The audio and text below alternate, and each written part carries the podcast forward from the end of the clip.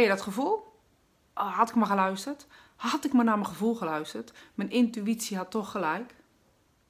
Ik ga je meenemen op ontdekkingstocht met dit gevoel. Om te leren reageren op die eerste ingeving.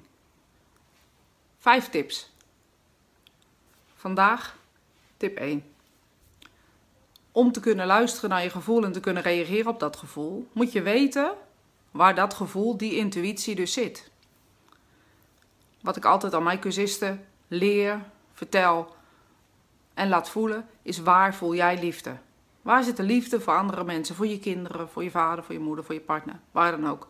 Waar zit die liefde? Want hoe simpel dat ook klinkt, die liefde is gekoppeld aan intuïtie, aan alles. Want dat gevoel blijft natuurlijk gewoon één basis, één ding. Dus het is van belang dat je leert begrijpen hoe dat voor jou werkt. En dat je zelfvertrouwen krijgt, dat je weet waar dat zit.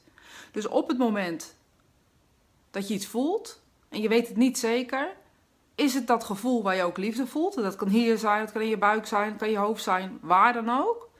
Maar daar waar jij liefde voelt, daar zit ook je intuïtie. Dus ga dat nou eens onderzoeken. Succesverhalen, hartstikke leuk. Volgende filmpje, tip 2. Tot de volgende keer.